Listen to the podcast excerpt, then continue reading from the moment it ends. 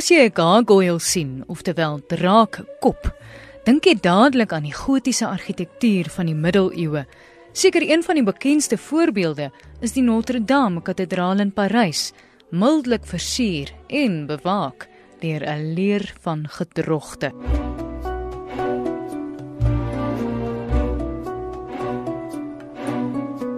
Gargoyles was selfs in die middeleeue niks nuut nie. Die droogbeelde dateer so ver terug as die antieke Egiptiese, Griekse en Romeinse beskawings. Die gekose kreatuur was toe hoofsaaklik die gevleelde leeu wat veral in die Egiptiese beskawing 'n simboliese en religieuse betekenis gehad het.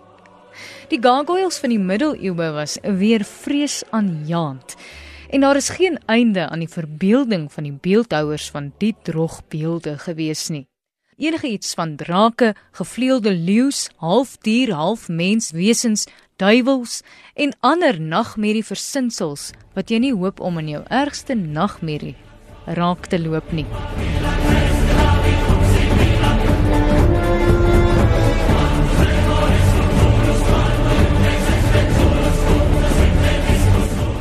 Die Katolieke Kerk het blykbaar juis om die rede graag gargoyles gebruik om kerkgangers te herinner aan die ewel en gevare van sonde en sommer ook om bose geeste uit die kerk te hou.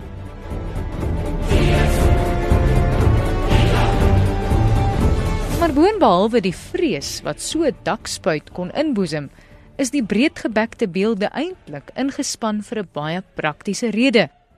Gargoyles is geplaas aan die punt van die geet as verlengstuk om so die dakwater weg van die mure te laat loop en die gebou teen erosie te beskerm.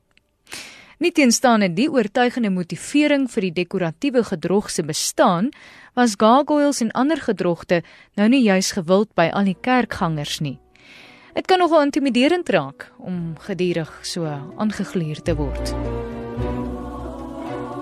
Die ene Sint Bernard van Clairvaux van die 12de eeu was maar een van die wat sy stem dik gemaak het. Hy het gesê: "Wat maak die denkbeeldige monsters in die klooster reg voor die oë van die broers wat besig is om te lees? Wat is die doel van die onrein bobbejane en vreemde ongetemde leeu's en monsters?" Daar is een met 'n slang se kop en vis se lyf en daar is weer 'n half mens en half bok.